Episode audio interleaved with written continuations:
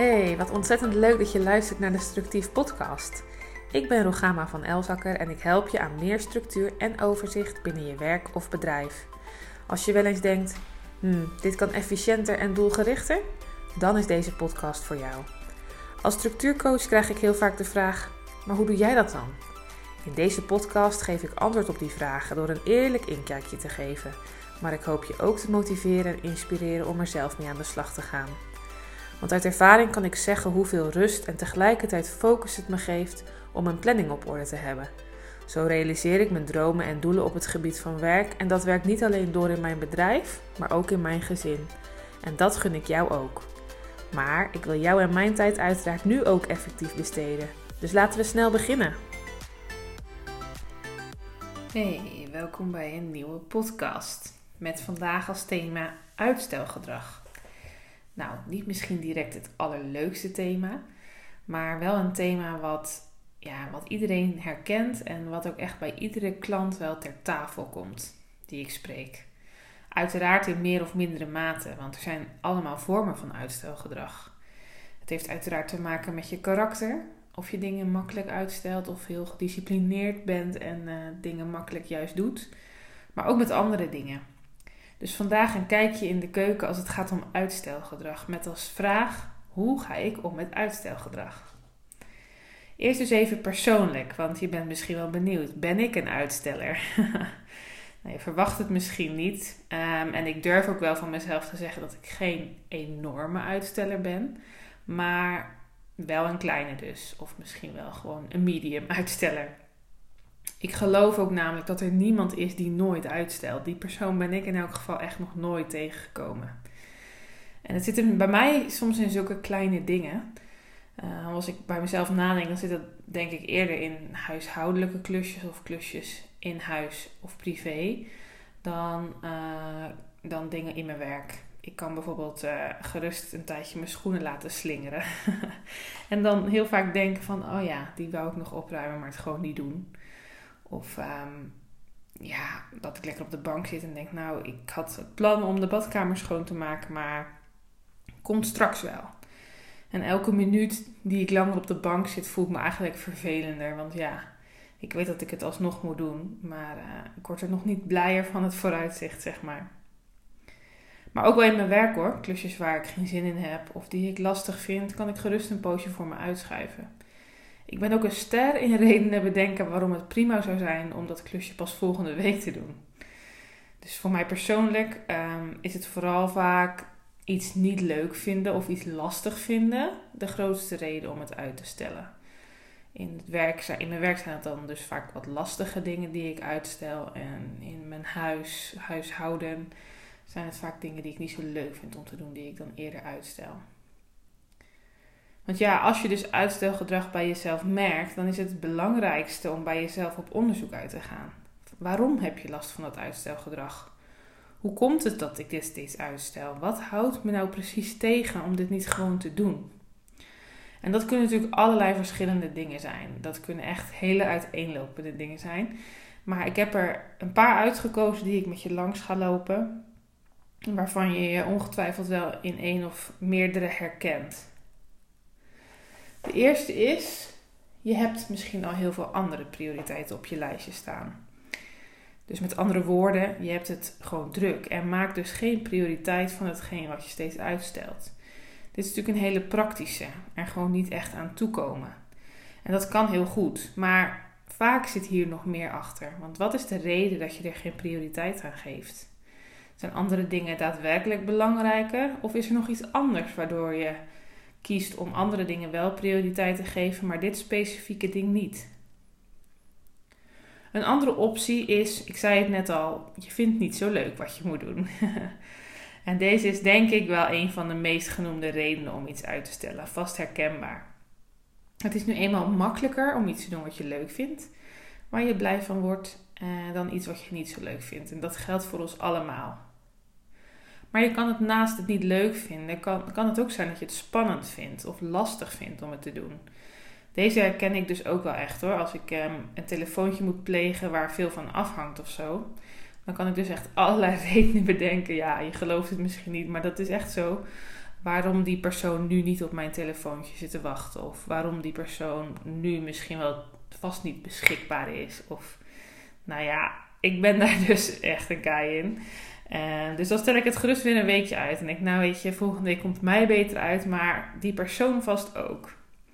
En dat is puur omdat ik het gewoon dan lastig vind of spannend om dat telefoontje te plegen. Even als voorbeeld. En de laatste die ik wil noemen, nou ja, wat ik zei, er zijn er nog veel meer maar voor nu houd ik het hier even bij, is niet weten waar je moet beginnen. En dat is echt een gevaarlijke. Want die heb je niet altijd in de gaten, dat dat de reden is. En als je niet precies duidelijk hebt wat je moet doen en hoe dat eruit ziet, dan is het vaak ook heel lastig om aan iets te beginnen. Als bijvoorbeeld iets heel groot is of nog vrij vaag. Ehm, of ja, als het zo groot is, kan je echt letterlijk als een berg tegenop zien. Uh, en wat is dan die eerste stap? Ja, als je daar geen idee van hebt, dan is het ook heel lastig om te beginnen. En daar, uh, daardoor ontstaat vaak dat uitstelgedrag. Nou, dat was de inleiding. Dus ga eerst eens bij jezelf na, als je uitstelgedrag bij jezelf waarneemt. Hoe komt het dat ik dit uitstel? Wat is de reden?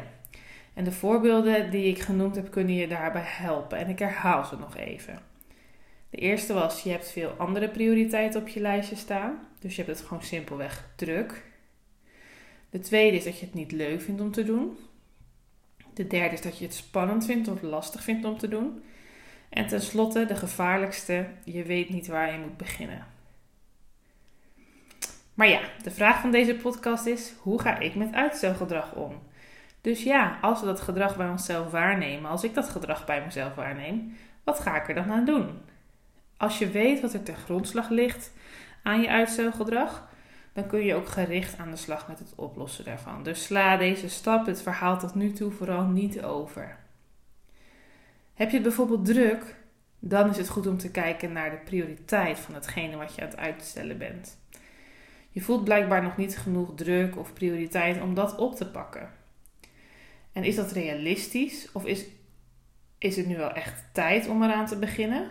Hoe kun je die druk zeg maar opvoeren voor jezelf?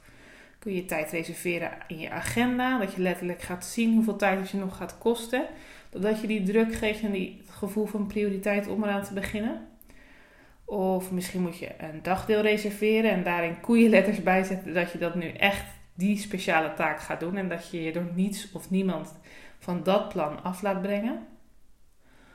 Of ja, het is natuurlijk ook afhankelijk helemaal van de grootte van wat je uitstelt.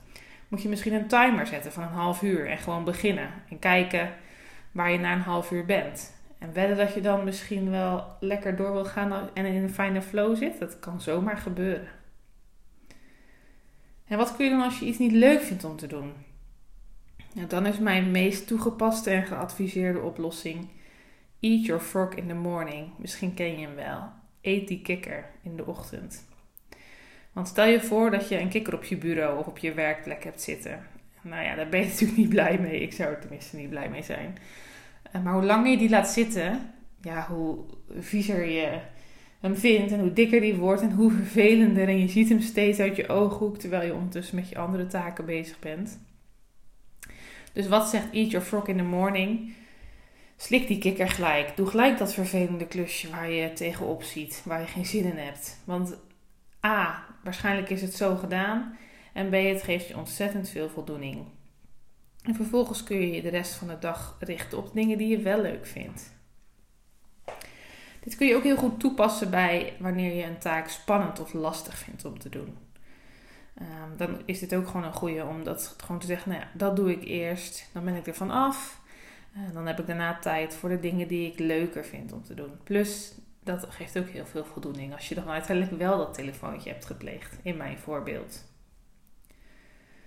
Je kan ook jezelf met iets belonen, bijvoorbeeld. Dus die lastige taken eerst doen en daarna iets leuks gaan doen. Ehm, of ook kun je dat toepassen van die timer van een half uur. Dat je gewoon eens een half uur eerst voor jezelf reserveert.